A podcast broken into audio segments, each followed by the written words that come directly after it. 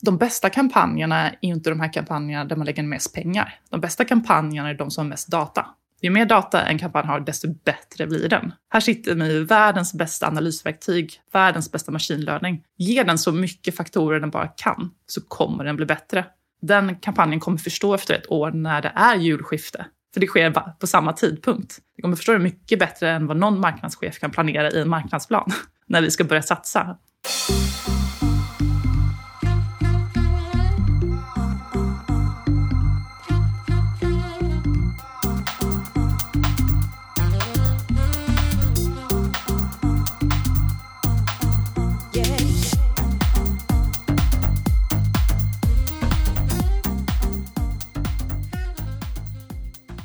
Välkommen tillbaka till Digital marknadsföring med Tony Hammarlund. Det här är en podd där jag intervjuar branschexperter och marknadsförare för att lära mig mer om digital marknadsföring. Mitt mål med podden är att bli en bättre marknadsförare och samtidigt dela med mig av intressanta samtal med några av Sveriges bästa marknadsförare. Den här gången är det dags för ett Google Ads-case. Du kommer i det här avsnittet få höra om Hedin Bis framgångar med Google Ads och hur det kommer sig att man blev ett av 50 företag i världen att få testa Googles nya Performance Max. Bakom framgångarna ligger otroligt mycket arbete med att analysera, strukturera om och optimera företagets annonsering. Hedin Bil är ett av Sveriges största företag och omsätter omkring 30 miljarder och man representerar idag över 30 bilvarumärken. Med mig för att prata om det här caset har jag Sara Söjka som är Digital Marketing Specialist och den som har lett arbetet med Google Ads. Hon hanterar bara i Google Ads över 300 kampanjer med 5000 annonsgrupper och 40 000 annonser som syns på omkring 200 000 sökord. Hisnande siffror. Precis som tidigare case så ligger fokus på hur man gick tillväga, något som ofta hoppas över i de case som presenteras på andra håll. Vi börjar med att prata om hur Sara kom in mitt i utbrottet av corona och vilka utmaningar de stod inför då. Sedan pratar vi om hur de arbetar med sin digitala marknadsföring samt hur planen såg ut för hur man skulle klara sig igenom krisen och nå målen trots en kraftigt minskad budget. Sara går sedan igenom hur hon gick tillväga för att analysera och utveckla Hedin Bils Google Ads samt vilka resultat det fick. Hon berättar också hur det gjorde att Google hörde av sig om Performance Max.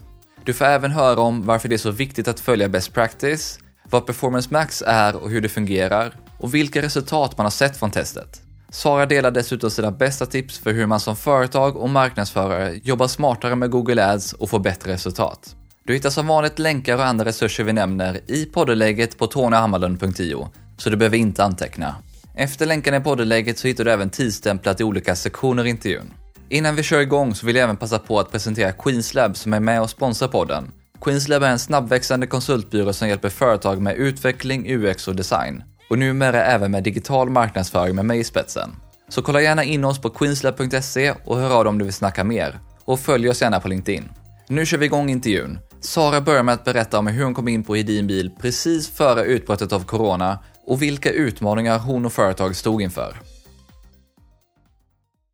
Jag blev ju anställd där vid månadsskiftet eh, inför februari och då fick jag en uppstart på ungefär en och en halv månad och tidigare när jag kom in så ska jag säga att jag blev ju anställd på ett vikariat. Framförallt för att hantera Facebook och programmatic display. Och då skulle jag samarbeta med en person som satt med Google. Och då säger jag också att eh, hen satt med Google, det vill säga satt med mycket annat också. Så det var ingen specialistroll på det sättet. Och då sa jag också min chef till mig när jag började, jag vill jättegärna höra dina synpunkter av allt i princip. Särskilt med tanke på att jag kommer från en byrå och eh, ja, men, man vill gärna lära, ta med sig det bästa därifrån. Så jag hade väldigt mycket åsikter från första början, samlade dem. Innan corona så sa den här eh, personen upp sig för, som satt med Google Ads, vilket innebar att jag blev erbjuden en fast anställning väldigt fort. Särskilt när jag suttit ett tag med Facebook och programmet och kanske ja, men provat och visat lite att jag ändå behärskar det här. Eh, så blev jag anställd och tog hand om liksom all digital marknadsföring operativt. Sen kom corona. jag är provanställd och det är kris. Jag vet inte om du minns, nu i efterhand så känns på något sätt corona inte så... Det gick ju väldigt bra, men där och då så kom jag ihåg i alla fall att folk förlorade jobbet, man såg det på LinkedIn. Och det snackades verkligen om det, att koncernen behövde dra ner kostnaderna, att man behövde säga upp provanställningar och jag var provanställd. Så det var väldigt mycket att vi fick ögonen på oss på marknadsavdelningen. Så det, det, som hände är ju då att vi behövde dra ner marknadsföringen. Så vi behövde motivera varför vi ska sätta igång det vi gör. Såg knappt min chef. Han sprang bara på möten med ledningen. Det tittades väldigt mycket på kopiorna. Att vi behövde berätta vad, vad, vad håller vi på med egentligen? ja. Eh. ja, för så här i tillbakablick så har det gått fantastiskt bra, precis som du var inne på. Men vilka utmaningar stod ni inför då och hur såg målsättningen ut när man är mitt i den här krisen?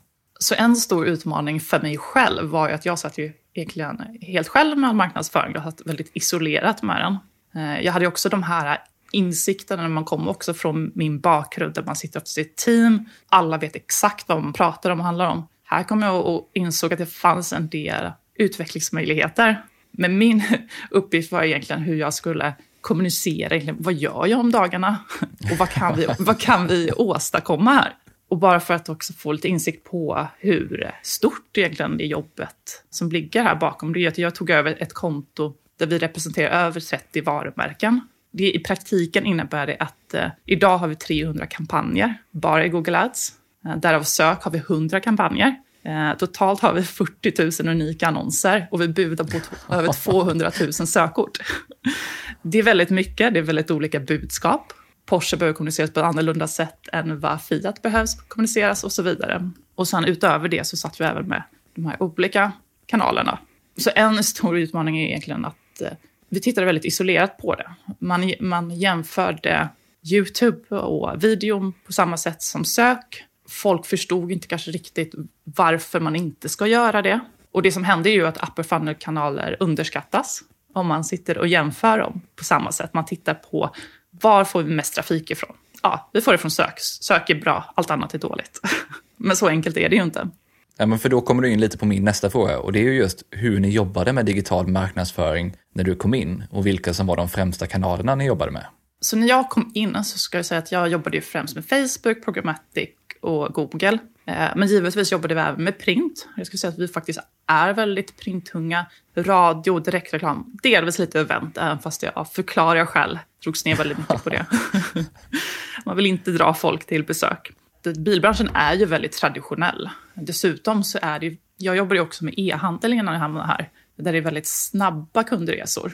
Att köpa en bil tar lång tid och det tar väldigt lång tid beroende på vilken typ av bilmodell du ska köpa, vilket varumärke. Men eh, det som hände är att vi behövde ju egentligen dra ner väldigt mycket på upper funnel-kanaler. Och när krisen kom som hårdast, då säger att vi tog ju egentligen stoppade så mycket det bara gick. Och förlitade oss väldigt mycket på nedre i kanalerna, det vill säga mycket på sök och sociala medier och eh, delvis också display.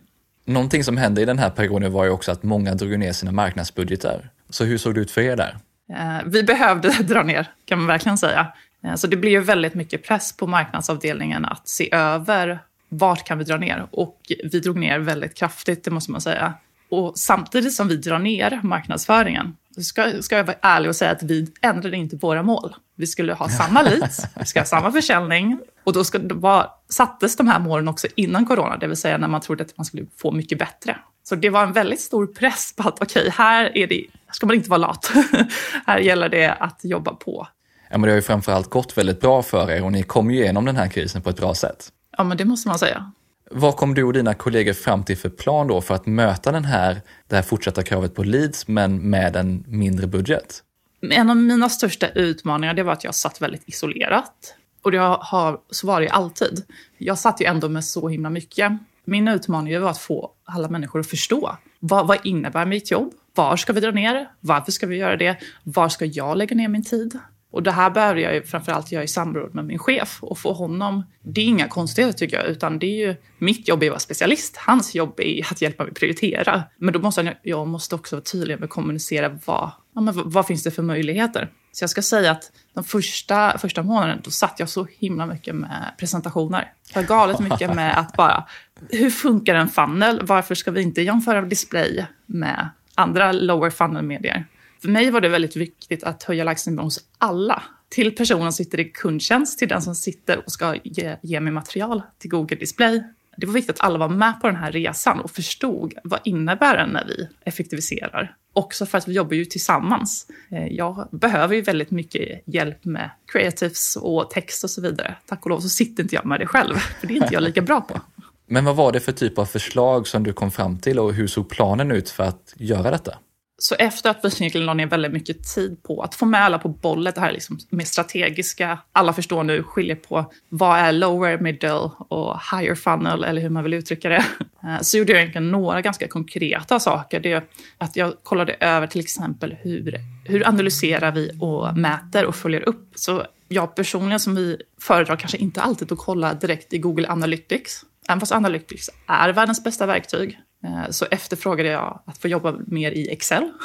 Så det egentligen det första jag gjorde där för att jobba konkret med att ta fram då vad, vad har hänt historiskt. Det var att jag bad efterfråga ett analysverktyg som heter Supermetrics. Eh, Supermetrics känner nog många igen för man har det som ett tillägg i Data Studio. Jag jobbar inte i Data Studio, jag jobbar direkt i Excel. Det fina med det är ju att då tar du ner datan direkt från Facebook. Du tar direkt datan från andra verktyg, Microsoft Ads om det är så så slipper man ta det via Analytics som inte plockar upp allting. Eh, Analytics kan ju inte se till exempel kostnad per klick. Den har inte koll på hur mycket Facebook lägger ner. Så där fick jag, där ska jag säga att min chef var extremt tillmötesgående och bara absolut, vi testar det här. Det, vi har den här pressen, vi har ingenting direkt att förlora. Vi såg över den över vad finns det andra möjligheter med sök och då någonting som jag tror är väldigt underskattat är Bing som kommer från Microsoft Ads. Många är väldigt Google-tunga och Google är 95 procent liksom, på marknaden där man ska vara. Men eh, du når ändå 55-plussarna på Bing och de är väldigt underskattade. Det är väldigt low hanging fruits, väldigt, men de finns där på Bing. Ja, inte minst inom er målgrupp som är bilköpare, att där finns det ju en del varumärken som ni också har, där det här är en väldigt viktig målgrupp. Ja, men verkligen. Verkligen. Och jag vill bara betona det, för jag, det är ju också problematiskt att man har bara Google, Google, Google. Och Google är bäst på många sätt. och det är den man ska lära sig. Men eh, det, det är bra att inte vara, vara lite, försöka vara lite mer objektiv ibland och vara ifrågasättande mot Google som givetvis också har en agenda. Men vad utöver Bing då valde ni att satsa på när vi pratar kanaler? I och med att jag satt både med Facebook och Programmatic, jag ska säga att vi satt med Adform, eh, vilket gör att jag vill ändå säga att jag kom in ganska objektivt och kunde jämföra olika kanaler och deras möjligheter. Eh, och där är en personlig preferens att jag föredrar Google-produkterna. För att Google finns egentligen under hela kundresan. Det är fler produkter. Eh, men också vad jag upplever att eh, Google är mer avancerat om man vill göra optimeringar. Och i och med att vi drog ner mycket annonskostnader på upper funnel, då måste vi jobba nerifrån uppåt och se hur kan vi optimera den där varenda krona som vi spenderar och varenda klick. Och där fanns det väldigt mycket att vinna på ja, men Google och det, som jag nämnde, bara där har vi 300 kampanjer. Vi har 40 000 unika annonser idag. Det tar inte slut på hur mycket man kan skriva och optimera där. Eh, så där var väldigt mycket min satsning för att hur ska vi fixa det här nu? Ja, hur funkar det egentligen att sitta med så många kampanjer helt själv? ja, jag skrattar för att det, det, det, det, är väldigt sällan jag får reflektera över vad jag håller på med egentligen. Jag bara kör. Men nu när jag ska sitta och prata om det här så inser man ja, jag, jag vet ärligt talat ibland inte vad jag håller på med. Eh, och hur man lyckas göra det. Jag ska säga att ett, alltså ett, ett bra Google-konto, det ska ju rulla av sig själv. Jag ska inte säga att det inte behöver mycket optimering för det behöver det. Men det passar väldigt bra med min personlighet, för jag är väldigt noggrann, extremt noggrann. Vilket du märkte när vi skulle förbereda det här. Skickade förslag på elva sidor på vad man kunde prata om. Men det fina är med Google är egentligen att man, ju mer tid du lägger ner på att optimera och gör det en, en gång ordentligt, så kommer du få mycket tillbaks. Så ju mer du jobbar, desto mer är du schysst mot dig själv. Det blir lite som ett ränta på ränta-effekt med aktier. Det tror jag verkligen. Medan om du slarvar och sätter en dålig grund, det blir jävligt jobbigt att börja där sen.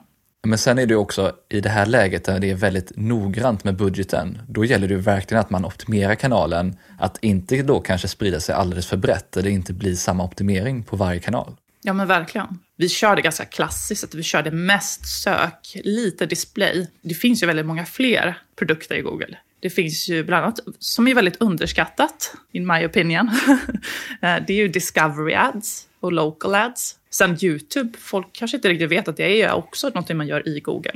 Så det fina var ju där att där hade vi möjlighet att testa andra saker som vi kanske inte hade testat innan. Om vi fokuserar vidare då på Google Ads, var började du och vilka steg gick du igenom för att utveckla det här kontot och annonseringen? Jag ska säga att det här gjorde jag ju ganska fort när jag fick, när jag var ny, när jag fick det här kontot. På många sätt så var kontot egentligen större än vad det har blivit idag och på många sätt mindre. Så det första man gör är egentligen bara att kolla hur är kampanjerna uppsatta. Det finns olika, det finns olika strukturer och framförallt så måste man anpassa den för vilket bolag man är. Men det finns ändå några så kallade best practices. Finns ändå några saker man bör göra på ett visst sätt. Eh, så när jag gick in i det här kontot så identifierar jag egentligen att ett klassiskt, eh, som jag tror är ganska vanligt, jag ska inte säga misstag heller, för jag är ingen guru här, utan det finns olika eh, motivationer till varför man gör som man gör. Men många skapar nya kampanjer, så de skapar en, en sommarkampanj 2021 och så vidare. Jag ju, tycker inte att det är rätt sätt att göra. Det blir, ett så blir det väldigt mycket kampanjer och det blir mycket snabba puckar. Bara kampanjen i sig tar ju två veckor eller 50 konverteringar för att de ska lära sig att bli, liksom, en kampanj blir som bäst tidigast två veckor in kan man säga. Så det jag gjorde är att jag omstrukturerade om alla kampanjer. Eh, så vi hade, ärligt talat, när jag kom in, över 500 kampanjer igång samtidigt. Det finns ju liksom okay. in, in, ingen chans att man kan ha koll på det. Och det tror jag också många att de kanske bara sätter igång kampanjen och så bara... Man, man kan ju optimera genom att sätta olika mål och att den inte överskrider budget och så vidare. Men eh, ha inte för många kampanjer skulle jag ändå säga.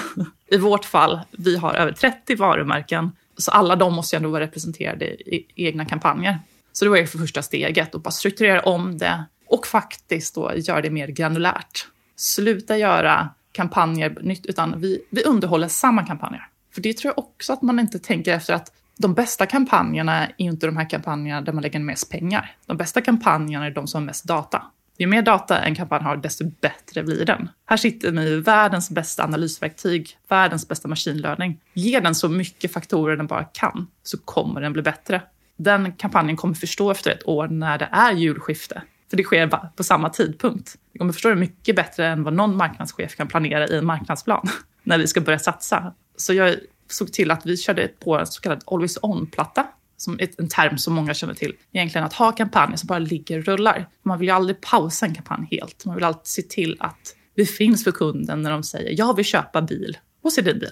Då ska inte våra pengar ta slut. Vi ska finnas där och fånga upp dem av vår Always On-kampanj. En annan utmaning också när jag gick in i det här kontot, när vi hade så många kampanjer, varför jag tycker att man ska undvika det, är kannibalisering. Eh, det är också kanske ett uttryck som många hör, men svårt att förstå i praktiken vad kannibalisering innebär. En klassisk grej, och det här är också en utmaning just det här med noggrannheten. Har du samma sökord, har du samma målgrupper i olika kampanjer, de budar ju mot varandra. Så att eh, det är väldigt viktigt att definiera hur skiljer sig kampanjen åt. Så återigen, det kan man inte ha koll på om man har för många kampanjer. Så jag tror verkligen på att man ska göra färre kampanjer där.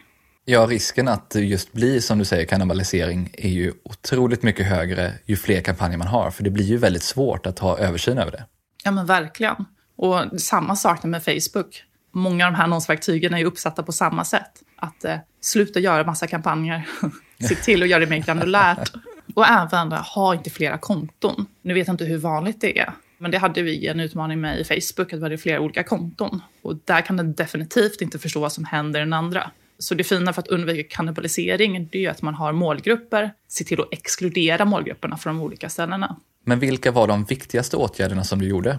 Eh, sen kollar jag på sökorden. Jag hoppas att de som sitter med mitt jobb i alla fall tycker att det är självklart. Man, man kollar vad har vi budat på historiskt. Kollar det över egentligen ett år, superrimligt. Vad har vi fått? Vad fortsätter vi buda på som är inaktuellt? Vad finns det för möjligheter? En, eh, en så kallad sökordsanalys. Nästa steg är egentligen en sökordsoptimering. Så då om man identifierar att eh, ja, men här har vi diverse sökord, men här ska jag säga framförallt det jag upptäckte var ju då kannibaliseringen, att den är väldigt vanlig. Men också att det var lite spretigt. Så jag gjorde ett ganska stort jobb också att strukturera upp kontot. Vi pratar ju om det här att man ska ha för många kampanjer. Eh, då kan ju många fråga sig, var ska jag börja? Eh, och det, den frågan ställer jag mig också. Mitt sätt att gå in i den här uppgiften, det var egentligen att kolla hur ser hemsidan ut? Sätta upp kampanjen baserat på det. Och ett, ett väldigt tydligt exempel på vad jag menar med det. I vårt fall där vi jobbar med bilmärken så är det superrelevant att en kampanj ska vara baserad på varje varumärke. Så ett exempel är att vi säljer Mercedes-Benz. På hemsidan så har vi en huvudhemsida som heter Mercedes-Benz generellt. Det är en kampanj. Under den här hemsidan då har vi olika bilmodeller. För varje bilmodell så har vi en egen kategori eller så kallad ad group. Så då skulle kampanjen heta Mercedes-Benz och under Mercedes-Benz finns det en kategori som heter A-klass, B-klass, EQC, EQA och så vidare. Och egentligen göra det på allt. Så Fiat har sin egen Porsche har sin egen. Och så gör man det på 30 varumärken. Superlätt. ja, men det är ett perfekt exempel. Ja, men det tror jag att då blir det ändå ganska enkelt. Och e-handel säger också sig själv. Har man, har man strumpor som huvud så kanske man har färg eller kön eller hur man behagar. så nästa steg är egentligen från att ha kategoriserat det, då kan man börja identifiera sökorden. Så om vi har Mercedes-Benz som huvudkampanjen, A-klass som kategorin, då trycker jag in så mycket sökord det bara går som har med A-klass att göra under den. Det jag pratar om, om man, någon specialist lyssnar på det här, är något som kallas för SCAG, som står för Single Keyword Ad Groups. Det är ett väldigt ett traditionellt sätt man jobbade väldigt mycket förut. För varje sökord skapar man en kategori. Idag jobbar man inte riktigt längre så. Det här märker jag än idag, att många fastnar i det här är våra topp 100 sökord som är viktiga för oss. Jag tror det viktiga är att skitsamma vad det är för sökord så länge de leder till leads. Så att om jag identifierar att många som söker på jämför A-klass med C-klass och att det leder till många leads för just den här bilmodellen, då plockar jag också in den. Eller kanske någon som söker på något helt, helt orelevant. Man kan ibland lite bli förvånad över ja, men vilka ord som leder till lead. Framförallt också, man ska tänka på att eh, det finns ju konkurrens. Så ibland är det smart att gå utanför sin comfort zone med vilka sökord som jag tror är viktiga. Och här finns ju också verktyg för det. Det finns något som heter performance planner och det finns något som heter keyword planner eh, som hjälper dig. Det är en väldigt käckt verktyg som jag rekommenderar alla att gå in på där man egentligen bara tar in URL-länken och så trycker den ut vilka sökord den tror kan vara relevanta här. Det finns mycket bra verktyg här, så de använder jag mig såklart mycket med. Eh, vilket slutar med att vi budar idag på 40 000 sökord. så det här, jag ska säga, nu pratar jag om det som en självklarhet, men det ligger väldigt många timmar bakom det här. Eh, och det här är också någonting, alltså, ett ständigt jobb. Det här med sökord, ska man jobba perfekt med det, då ska man sitta med det en timme per dag. Det vill jag helst göra, det hinner jag inte. Jag vill jättegärna addera och hela tiden växa kontot. Så jag kommer komma tillbaka till lite kanske vad som poängen är. Var noggrann så kommer du vinna på det. Nu vet jag ju att även fast jag inte går in varje dag så kommer vi inte trigga jättekonstiga saker. Fast vi budar på bilverkstadsservice så kommer inte vi få, vi kommer inte synas på mobilservice och så vidare. Vilket man kanske skulle gjort om man inte lade ner den här tiden från första början. Finns det några andra saker som du gjorde inne i själva kontot? Det fanns så mycket saker jag gjorde. Men vi ska hålla det här ändå ganska kortfattat. Men det här skulle jag ändå säga är viktiga när man pratar om kampanjer och strukturen, givetvis. Men sen så kommer vi in på det guldkornet varför jag älskar Google. Det är ju automatisering, machine learning. Det är ju världens coolaste produkt, Google egentligen. Och det man betalar för är ju de här algoritmerna och att den lär sig. Och Google jag märker det väldigt tydligt när jag följer deras produktlanseringar. De försöker automatisera och försöker få personer som mig att verkligen hoppa på det här. Eh, så där satte vi igång mycket automatisering. Så mycket av min utmaning är att jag satt ju själv med det här. Det fanns ju ingen chans att jag kommer kunna sitta manuellt med allting. Så där satte vi igång eh, automatiserade budstrategier till exempel. Förut by default fanns manuell budgivning, men nu så säger jag jag kan inte gå in på 40 000 sökord och säga vilket sökord som är viktigast för oss. Utan, men då ska man också ha i åtanke att då krävs det ändå att man har lite koll på det och går in kanske någon gång, minst någon gång i veckan. Bara dubbelkolla, vad har vi triggat? Bara för att kontrollera den. Framförallt fortsätta ge den mer faktorer, mer saker att gå på. Så att man kan lägga in och säga det här var ett bra sökord, det här var ett dåligt och så vidare. En utmaning var ju också att vi försökte få mer rörlighet mellan, mellan kanalerna man satt väldigt mycket förut och sa att Facebook får den här säcken med pengar och Google får den här säcken med pengar. Men, och det gör man ju för att det är viktigt att kunna sätta en marknadsplan. Men där satte vi egentligen upp ty mer tydliga KPI-mål. Att så länge vi har ett bra KPI, då ska den leverera, blir det sämre. Men skjuta över pengar till Facebook från Google eller tvärtom. Så det var ju också ett, ett nytt sätt att arbeta på.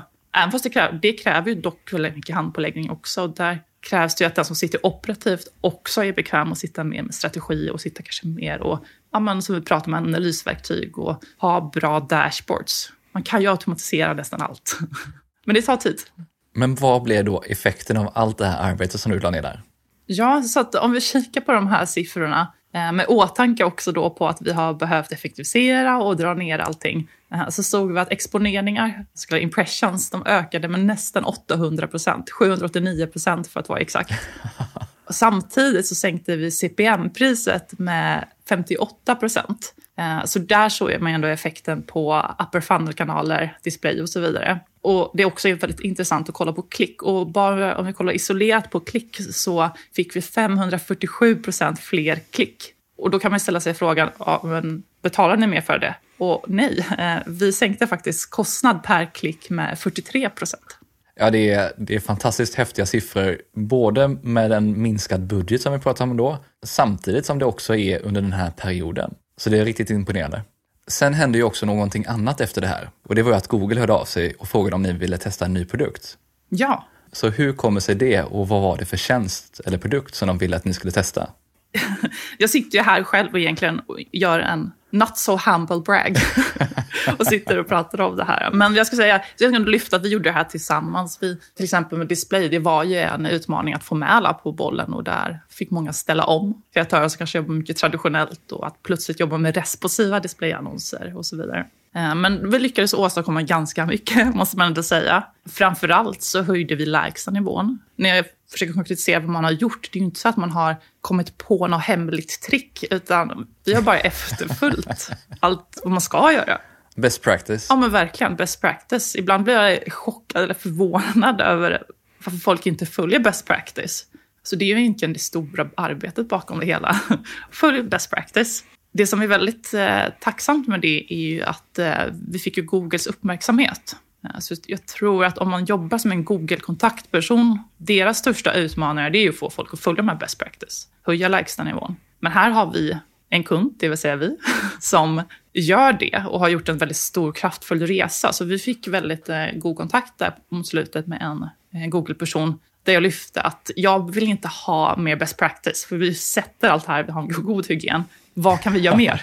och nästa nivå är ju egentligen att då pratar vi om betor. Google släpper hela tiden nya produkter. Jag personligen upplever att Google har en agenda av att automatisera mycket, så de söker aktivt efter goda konton med god hälsa. Så där pratade vi en hel del då med min kontaktperson och frågade vad kan vi göra? Kan vi göra ett case? Kan vi, kan vi på något sätt ja, men få prova på där? Samtidigt så vet ju de att det är största utmaningen att jag sitter själv med det här. Och då kom egentligen en perfekta lösningen. så när vårt eh, resultat stack ut här eh, så hörde de av sig och bara, vi har en produkt som heter Performance Max. Och det är liksom framtidens marknadsföring. Och där jag också upprepat mycket machine learning, där den fokuserar nästan bara på det. Eh, så visuellt så, det här Performance Max ser inte annorlunda ut, utan det, det är då ett alfatest som vi blev erbjudna. Och där blev vi faktiskt helt ensamma i Sverige med att bli erbjudna att få prova på det här. 1,50 i hela världen. Så det är skitcoolt. Ja, det är lite häftigt. Det är lite häftigt, framförallt för mig som jobbar med det här. Att jag, jag kan inte ha en portfolio som en kreatör på samma sätt. Men jag kan säga att jag är först i Sverige med det här i alla fall. Så får vi se om de framtiden kommer tacka mig för det. Eller inte. Det som händer då om man är ensam på ett alfatest är att man sitter och ger feedback på det. Man ger feedback, jag tycker ni kan göra det här bättre, eller jag tycker ni kan göra det här sämre, eller, eller förändra det. Vad är då Performance Max och vad skiljer det mot traditionella kampanjer? Så Performance Max skiljer sig ju inte visuellt på något sätt. Det är ju ingen ny local ad eller discover ad. Men det skiljer sig på det sättet att det samlar alla dem. Så på senaste tiden så har ju Google släppt många olika produkter som är svinbra. Local ads, discover ad och YouTube, allt det här är ju svinbra. Men jag tror utmaningen med det, det är ju att eh, ja, men shopping och allting, att man behöver vara expert i specialistrollen i sig. Att man kan inte bara sitta med Google, du måste vara expert på shopping, du måste vara expert på sök och så vidare. Och där tror jag Google har identifierat att det är en utmaning. Man kan inte kräva riktigt det och folk gör det inte heller bra. Så att alla gör det, allting lite halvdåligt istället. och samtidigt som vi marknadsförare gör det halvdåligt, då lär sig algoritmerna konstant. Det har gått väldigt fort, som jag kan se på mina korta år inom branschen, hur AI har utvecklats, den här machine learning. Så Performance Max är egentligen väldigt kortfattat ett sätt att säga, vet du vad, jag litar på att machine learning gör det här bättre än mig. Så Performance Max sköter allting som har att göra till exempel med målgrupper. Eh, den sköter att den ser till att du ger den en budget. En budget som du egentligen skulle ha splittat på Discovery Ad och Google Ads och YouTube och sök delvis. Du samlar den budgeten, sätter den i en kampanj. Performance Max ser till att använda budgeten där den anser det är rätt. Så istället för att du ska behöva tänka, var är kunden just nu i fannen? och under vilken tidsperiod, är det julskifte eller inte, så kommer den här Performance Max förstå det själv. Den kommer se till att lägga den här månaden lite extra mer pengar på YouTube eller lite extra pengar på display för att nästa månad eller vecka, vecka lägga ner mer pengar på sök eller på Discovery eller Local Ads. Så det här sparar ju så mycket tid för mig. Och framförallt så när jag sätter upp kampanjer, istället för att jag ska sätta upp ett, ett och samma budskap i fem olika kampanjer beroende på diverse strategier jag har suttit med innan, så kan jag bara sätta upp det på ett ställe och så sköter den resten. Så det här var ju match made in heaven när jag blev intresserad. det var precis det du ville ha. Det var precis det jag ville ha. Så det här var ju extremt kul att få prova på och som vi håller på än idag. Någonting vi har byggt upp ganska mycket måste jag säga, det här Performance Mac. Så jag bör tillägga också konkret vad, vad, vilka kanaler innehåller Performance Max. Den har YouTube och jag vet YouTube har det har varit lite rörigt för mig faktiskt, för att det har varit så otroligt många olika. Det finns eh, mastheads och det finns YouTube for action och det finns tree view och det finns skippable. Ja, det är ganska snurrigt. Man behöver mer eller mindre vara expert på YouTube ads, precis som du var inne på tidigare. Ja men verkligen, så det finns ju jättemycket där. Och sen, här kommer inte såklart ersätta allt det där, men den kommer ju underlätta. Så att i det här verktyget så lägger jag till max fem videos i diverse format. Och då ser, till, ser den till att du finns på Youtube. Jag lägger även upp till eh, 15 bilder, så då ser den till att vi syns på display det här har ju verkligen gått framåt. Så bara för ett halvår sedan, ett år sedan, så jobbade folk mycket med traditionella banners. Det tror jag också folk gör än idag. Peka med mitt finger, sluta med det. Utan nu är det ju smart display. Det finns ju i Google Display. Smart display är ju responsiva annonser, är ju mycket bättre. Det är ingen snack om saken. Så den kommer ju även jobba då med smart display. Den ser till att optimera rätt bild med rätt rubrik. Även Discovery Ads, så här klassiska, det finns i Gmail och finns i mobil, mycket mobilt engagerade format. Local Ads, klassiska som dyker upp i kartfunktionen och massa andra ställen i deras Google Network. Den säger att den också exponerar i sök och jag har noterat att den exponerar det i sök. Dock så har jag faktiskt pratat med han som är produktlead för det här att det är svårt kanske idag att säga att det kommer ersätta sök. Vilket jag är glad för med tanke på mina 40 000 sökannonser. Som inte har lagt ner tiden på det helt i onödan. Jag vill helst inte heller att allting ska vara där. För sök är så avancerat i sig. Men jag är ganska säkert inställd på att även om det kanske inte sker ganska snart, eller bara om något år eller år, så kommer Performance Max ersätta display. Det kommer ersätta Discovery och de här. Det skulle jag ändå säga. Min, min upplevelse av det. Jag ska inte tala för Google. min upplevelse är det, om jag får säga i framtiden. Vad är för och nackdelarna med att använda Performance Max då? Ja, jag har ju nämnt det säkert redan lite nu, att det sparar väldigt mycket tid. Optimering, alltså de här, vet, när man har gjort en sak, lagt upp en annons tusen gånger, tiotusen gånger. Det, det, är ju, det är ju faktiskt lätt att slarva. Alltså det är ju lätt att bara... Jag litar ju mycket mer på robotar än människor. är det någonting fel så är det nio av tio gångerna mitt fel. att jag har slarvat eller att jag har missat någonting. Eller... Så sparar väldigt mycket tid, det blir bättre resultat. Och i och med att vi lägger upp det en gång så kan man ju se till att göra det riktigt ordentligt. Bör tillägga också att vi lägger till extensions på den här, diverse extensions som finns, som är lite mer vanliga i sök. Och det blir ju bättre resultat. Det blir ju bättre resultat för att den tvingar ju dig i princip att göra allting smart. Med smart som är responsivt. Då det mest traditionella eller klassiska jag hänvisar till är Google Display om man är fortfarande fast att göra traditionella banners, då känner man igen det att ah, vi ska ta fram, jag vet inte vad det kan vara, 10, 40 format beroende på hur duktig du är. Ju fler format desto bättre. Det som är fina med responsiva det är ju att istället för att du ska identifiera vilken av de här som är bäst så kan du testa kanske 40 000 format. responsiva annonser ser till att eh, det blir inte samma frekvens. Kunder upplever inte att de ser exakt samma banner som är överallt. Så det blir bättre resultat för att den kan också visa rätt, rätt annonstyp till rätt kund beroende på var du är. Så du Tony kanske skulle föredra en YouTube-video medan jag skulle verkligen mycket mer föredra en Discovery-ad. Och då ser den till att vi får se rätt sak på rätt plats. Och finns det då några nackdelar? Såklart. Jag ska bara tillägga att det här är fortfarande alfanivå. Det säga ett alfatest. Eh, jag såg på Googles eh, produktlansering, de har en gång per kvartal att de kommer släppa det här som det ser ut just nu under Q2. Så vi är inte långt ifrån en beta, där fler ska få testa på det. Men jag märker av att det är ett alfa. Och det är väl därför vi också finns med, för att vi ska kunna ha som ett bollplank när vi upptäcker saker som inte stämmer. En nackdel som har varit lite av en huvudvärk för mig, det är egentligen sökresultaten. Performance Max ska ju också finnas på sök. Och det, jag märker att den dyker upp ibland på sök. Jag märker det i att det dyker upp lite knasigt. Vi har ju jobbat igenom de här annonserna så att vi är väldigt noggranna med att säkerställa att eh, en Ford-annons aldrig syns på en Citroën-annons och så vidare. Att rätt annons syns var de ska. Det jag har märkt dock med Performance Max att det har hänt några fåtal gånger att det har blivit lite knasigt. För den är ju responsiv. Där just nu så är den inte smart nog.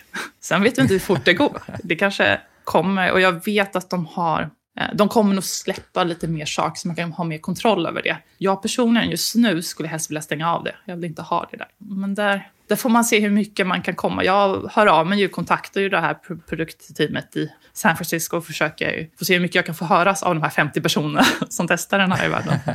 En annan nackdel, som egentligen inte är en nackdel, men det är att jag ska också säga att en, en fördel, vi formulerar om det, en fördel med det här är att uppsättningen av själva kampanjen är väldigt enkel. Den ska i princip vem som helst kunna göra. Eh, för att den har väldigt tydligt, det är väldigt bra UX som säger lägg upp logga här, lägg upp 15 bilder här, skriv in din rubrik här. Och samtidigt så har den en, ett, ett visuellt, den visar på hur resultatet kan se ut. Eh, längst upp så skriver den även i text. Så när du har skrivit dina rubriker så kanske den säger, eller det säger den väldigt ofta ska jag säga, dina rubriker är för lika. Så den vill ju såklart ha så olika enheter som möjligt för att testa så många olika kombinationer som möjligt. En nackdel i det är att den hela tiden då gnäller, om man ska säga så. Den säger hela tiden att det kan bli bättre. Eh, det som händer ju också är att när man har kört en kampanj ett tag, då får man feedback på vilka enheter som varit bäst och vilka som har varit low performance, alltså så den blir taggad. Så indirekt så säger den att du helt enkelt ska jobba med samma kampanj, uppdatera, uppdatera. Så där har det ju varit en, en utmaning i att eh, många kreatörer, och kanske inte bara kreatörer, men vem som helst, att man tänker nu har jag levererat mitt material, tack, nu går jag vidare till nästa. Men så kommer jag och säger, vet du vad, nu har vi kört det här i två veckor, vi kan göra det här ännu bättre. Så det, det är, en det är kanske en nackdel, men det är det ju egentligen inte. Det är, en, det är bara ett annorlunda sätt man måste tänka på hur man jobbar. I framtiden så måste man tänka att man blir inte klar med sina always on-kampanjer. De ska rulla, man kan bara jobba om dem hela tiden. Eh, en annan väldigt, väldigt stor utmaning med det här, skulle jag säga som marknadsförare, och en väldigt negativ trend, det är ju att transparens, det blir brist på transparens i det här verktyget. Och återigen, jag pratar om det i alfanivå-test. Jag vet inte hur betan kommer vara eller framtidens produkt kommer vara. Eh, jag vet att eh, det här teamet som är bakom det i Google har fått mycket feedback att man vill ha mer transparens. Och vad jag menar med mer transparens, det är att alla som har varit i Google Ads-verktyget, man kan ju jämföra kampanjer med varandra. Man kan se vart sakerna har blivit exponerade och så vidare. Det kan man inte se det på alfa-testet just nu. Och i och med att den exponerar både på YouTube och display och maps och på diverse olika kanaler så vill man ju veta var. Och vi får ju bra resultat. Då vill jag ju veta, om är det på grund av det här eller det här? Vart syns det? Det visar den inte idag. Och det, det tycker jag är väldigt eh, spännande, ska man säga, värderingslöst. Då förlitar man sig väldigt mycket på, på machine learning. Man förlitar sig väldigt mycket på den. Eh, men som sagt, ja, de har nog fått mycket feedback på det, att vi vill ha ungefär samma flöde som det har varit i alla andra men det är ändå ett tecken tycker jag vad Google håller på med, att de håller på att automatisera och att de börjar ja, men, tvinga dig i princip att lita mer på algoritmerna. Så på sätt och vis så känns det som att jag hjälper ju till att jag inte ska ha ett jobb om fem år. För den här kommer ju ta över det. Så det är spännande. Jag tänkte vi kommer in på det lite senare här, men först innan vi kommer dit så skulle jag bara vilja se, hur har det här testet gått? Vilka resultat har ni sett? Ja, om vi kikar bara på egentligen vad som har hänt när vi satte igång Performance Max och då avslutade vi Discovery och alla de här och samlade det jämfört med samma period förra året då vi hade igång alla de här andra. Eh, så tillsammans så ser vi att våra klick har faktiskt ökat med 416 procent. Eh, våra impressions ökade med ungefär likadant, 400 procent, 435. Och återigen, då är det superviktigt att kolla i förhållande till priset. Betalar vi mer för det eller betalar vi mindre? Eh, vårt CPC-pris, det vill säga kostnad per klick, det minskade med 59 procent. Och vårt CPM-pris, det minskade med 60 procent. Ja, men det är riktigt imponerande att se att den här typen av lösning, även om den är i ett tidigt skede, så ger den ändå den här typen av resultat. Och jag kan tänka mig att Google hinner skruva på den här produkten många gånger om innan det kommer ut vidare i betatest och sen vidare när alla får tillgång till det. Ja men verkligen. Ja, de kommer ju inte släppa det här utan att ha dubbelkollat allting, allt funkar. Eh, så det är jättekul att få se den här fina kvaliteten på det. Och det säger ju sig självt också att framtiden är ju så. De, de måste få prova på olika saker. Du och jag vill se olika annonser. Det funkar på olika sätt. Och man kan inte tänka traditionellt att vi ska skapa en för en man i storstan och en kvinna på landet i den här vissa åldern. Utan det finns så många faktorer och det, robotarna är bättre på det. Men du var inne på det här också, det här med effekten av att det här faktiskt introduceras den här typen av kampanjer och tjänster. Så vilken effekt tror du att den här typen av AI-drivna annonseringslösningar får på branschen och alla som jobbar med Google Ads? Så det är jättespännande hur Google går åt den här trenden över mindre transparens, mycket, mycket mer machine learning. Alla som tittade på deras eh, produktlansering som de har varje kvartal såg att i princip, de släppte 50 produkter. I princip alla produkter pratade om automatisering, machine learning förlitar dig mer och mer på Googles produkter. Och med all rätta. Den ser till att eh, personer som mig slipper göra lika mycket optimering. Så att en person kan hantera väldigt mycket. Det som händer är ju att de i princip optimiserar bort mitt jobb. Och du hjälper till som du säger. Och jag hjälper till. Vad håller jag på med? Det är Matrix. Men jag tänker ändå att det, det kan bli bra det här. Det blir bra. det kommer behövas mer strateger och generalister i framtiden det som händer är ju såklart, kommer ju där, om det här slår igenom. Återigen, jag pratar ur ett alfa-testnivå. Det kanske blir jättedåligt under betan, vilket jag har svårt att tro. Eh, men om det slår igenom så som det ser ut just nu, det är ju väldigt svårt till exempel för byråer som lever mycket på Google Ads att kunna motivera att ta fyra gånger så mycket betalt för att de sätter upp samma annons fyra gånger. För här har vi ett verktyg som gör det åt dem. Dessutom är ju verktyget mycket, mycket lättare att eh, sätta upp själv det som händer är egentligen att kanske många frågar sig, behöver vi en byrå? Man måste egentligen tänka om väldigt mycket när det här väl slår igenom. Så det här kommer ju förändra den digitala marknadsföringsbranschen. Det tror jag. Det är bara början på ett och många steg. Sen tror jag att den här produkten kommer ju bli bättre. Och i slutändan, det är ju inte en produkt per se, utan det är ju algoritmerna. De ser till att ha, erbjuda ett skal så att man kan nyttja de här algoritmerna och fortsätta mata en massa data till dem. Så det kommer nog vara väldigt spännande att se hur den här produkten effektiviserar mycket. Så får vi se hur de andra, Facebook och de andra, plockar upp det eller inte. Ja, det här är ju någonting som alla i branschen jobbar mot. Att ha mer eller mindre AI-drivna lösningar som är olika grader av blackbox-lösningar. Men det här som Google kör nu, det här är ju verkligen en sån lösning som verkligen använder datan fullt ut. Och precis som du nämnde, det är en black box. Och jag tror inte det är en slump att de råkade glömma rapporteringsfin den här gången. Utan jag tror snarare att det är, ja, nu, nu är det spekulation, men säkerligen att de provar med att köra då sitt ideal och ser hur mycket blir det, gnäll blir det. Sen har jag förstått att det blir rätt mycket gnäll. det är så att det saknas rapporteringsby. Nej, men det är väl också som du är inne på här, om man tar bort det helt och hållet och sen introducerar man lite tillbaka, men inte lika mycket som man haft tidigare. Men jag måste också fråga dig när jag har dig med som är riktigt duktig på Google Ads och som har gjort det här enorma arbetet som ni har gjort med ett gigantiskt konto som ni har. Så vilka tips har du för företag eller marknadschefer som vill jobba smartare med sin Google Ads-annonsering? Ja, vilken bra fråga. Det är svårt för mig som tycker så mycket att bara sammanfatta allting. Det finns såklart många faktorer. Men någonting som man kan lite också sammanfatta det jag nämnt, det är ju att jobba med Always On-kampanjer. Försök slippa ha de här korta intensiva kampanjerna. Kampanjerna tar tid på sig. De behöver, de blir perfekta efter några veckor först. De blir riktigt bra. Så försök underhålla genom att sätta på en always on-plan. Och om man jobbar väldigt konkret med Google Ads, det är också att skilja på brand. Nu lyfte inte jag det, att det var också en del av mitt arbete att eh, prata mer skillnaden på brand och generiskt. Det vill säga, det är viktigt att särskilja på ditt eh, varumärkesnamn. Så när folk googlar på “jag vill köpa en bil hos Hidden bil” det sökordet och den annonsen kommer gå jättebra. De kommer ju vilja komma till oss. Medan någon som skriver “jag vill köpa en bil i Göteborg” det sökordet är mycket svårare. Så det är väldigt viktigt att skilja på dem. Så när man gör en sökordsanalys, fråga dig, ser jag så kallat brand eller ser jag allt? För om 90 procent av det är söktermer, “jag vill köpa och se din bil”, då kommer det se jättebra ut, men det är inte rätt sätt att se det på, för där kan inte man göra så mycket optimering. Så särskilt på de två. Eh, lägg ner tiden på att efterfölja best practice. Det vill säga, det finns inget magiskt trick. Det är, kolla på Google-videorna. Kolla på det senaste som släpps och se till att efterfölja det. Sätt igång bred matchningstyp. Ha koll på att det är en skillnad på, en, på ett sökord och en sökterm. Det vill säga, många fastnar i det här att ja, vi ska definiera 10 eller 100 sökord som är våra viktigaste. Men i realiteten så är det, det enda som bör driva sig kopiorna. Vi ska buda på det som är viktigt som driver elit skitsamma vad det är. sen, sen, får man ju ta det här med en nypa salt, såklart. Vissa ord är ju ändå viktiga. Men eh, där ställ frågan till den som sitter, som jag. Har vi igång bred matchningstyp? Använd responsiva sökannonser och display. Sluta med traditionella annonser. Eh, Sådana här eh, tio stycken. Utan var inte rädd för det. De är, algoritmerna är smarta, de gör ett bra jobb. Vilket kommer in egentligen till att sammanfatta det, automatisera allt som går. En väldigt liten enkel sak är att ändra ditt kontospråk från svenska till engelska. Vi pratar lite om den här best practice. Eh, det är väldigt viktigt att du som eh, marknadsförare utbildar dig. Eh, om du fastnar någonting, googla det, sök upp YouTube och då är ju allting på engelska. Så du bara underlättar ditt liv och du kan följa manualerna på engelska. Så det skulle nog vara mina topptips faktiskt.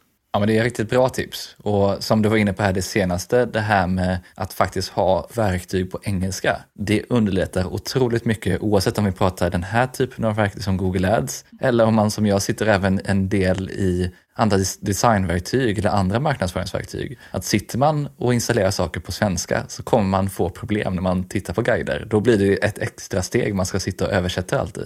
Ja men verkligen, det, det är så liten grej men det gör verkligen stor skillnad. Och när du är inne då på att det här med att lära sig mer, så vad finns det för bra resurser som du skulle rekommendera om man vill utöka sina kunskaper inom Google Ads? Jag, jag själv går väldigt mycket till grundkällan, det vill säga Google. Det, nu vet jag inte om alla har Google-kontaktpersoner. Det beror nog väldigt mycket på hur stora Google-konton du har. Eh, Hedin Bil har ju väldigt stora Google-kontot skulle jag ändå säga i jämförelse med vad jag jobbat med tidigare. Och då får man en Google-kontaktperson. Men var på de här människorna att skicka sina webbinars, skicka det senaste, läs de här Think with Google-casen. Gå till källan och det är väl samma sak om du sitter med Facebook. Kolla på deras webbinars och var på din person. Var, var en jobbig jävel. Innan vi avslutar så skulle jag också vilja kolla lite hur du tänker framöver med Google Ads-annonsering. Vad kommer ni göra där? Förutom att det tar ju aldrig slut, att man med optimeringen och sitta med det varje dag, så ska jag säga att vi har ju fått väldigt, väldigt positiv feedback. Eh, eh, både då men internt, vi är väldigt glada över det här resultatet, men även fått mycket uppmärksamhet i det stora bolaget som är. Eh, så vi kommer samla all marknadsföring internt Hedin Bil eller, eller Hedin Group som koncernen heter finns ju i flera länder i norra Europa. Eh, så vi kommer försöka samla mer marknadsföring. Förhoppningsvis kommer vi växa mer. Vi har anställt en till, så jag slipper göra allting själv. Men det skulle inte förvåna mig att vi anställer ännu fler. Vi har ju vuxit redan. Så under det här året så har vi anställt en analytiker, en e-commerce manager, en eh, CRM-specialist. Så att vi expanderar väldigt mycket på det digitala. Så vi eh, letar alltid efter digital kompetens. ja, men det är copy-paste det vi har gjort fast på ännu större skala, om det ens går. Ja, men det kommer bli jättekul att följa vad ni gör framöver och sen också att se lite mer vad som händer med Performance Max. Ja, herregud, det ska bli så kul. Eh, jag ska också säga det med Performance Max. Vi har ju verkligen gått in på en always on där. Och där har vi Idag som det ser ut just nu så kör vi faktiskt inte GDN eller vi kör inte specifikt eh, Discovery Ads, för det samlar vi här. Ja, men det är riktigt häftigt att höra. Stort tack för att du ställde upp och för att du berättar vad du har gjort under det här året med Google Ads och ert arbete med Performance Max också. Tack Tony, tack att jag fick vara med. Det är otroligt imponerande att höra om allt Sara och Hedin Bil har lyckats med på drygt ett år med Google Ads och hur hon helt själv hanterar hundratals kampanjer och tiotusentals annonser. Jag tyckte också att det var riktigt kul att höra mer om Performance Max, som jag tror på riktigt kommer ändra hur vi arbetar med Google Ads framöver. Precis som vanligt så kommer här mina tre främsta insikter och tankar från intervjun. 1. Att man kan få enormt stor effekt genom att fokusera på att implementera best practice inom Google Ads och att strukturera kontot på rätt sätt. 2. Att se till att man arbetar med responsiva annonser över hela kontot och låter Googles AI göra det den är riktigt bra på. 3. Att vi marknadsförare på allvar bör tänka igenom vilken roll vi fyller framöver i takt med att AI tar över mer av annonseringen. Det hade även varit kul att höra vad du tänkte när du lyssnade på avsnittet och vilka insikter du tog med dig. Och inte minst vad du tycker om det här caseupplägget. Så dela gärna dina tankar i en kommentar, ett meddelande eller ett mail. Och passa gärna på att skicka en kontaktförfrågan på LinkedIn om vi inte redan har connectat. Du hittar som vanligt länkar till allt vi nämnde i poddenläget på tornehammarlund.io, inklusive några länkar där du kan läsa mer om Performance Max. Har du några ytterligare frågor till Sara så kan du ställa dem i kommentarerna direkt in i poddenläget. Gillar du det här avsnittet och podden så vill jag som vanligt påminna om att prenumerera och tipsa gärna andra om podden. Avslutningsvis vill jag passa på att tacka Mikael på Newbreeze Music som hjälper till med att producera den här podden och stå för musiken. Vi hörs snart igen med fler intressanta gäster och ämnen.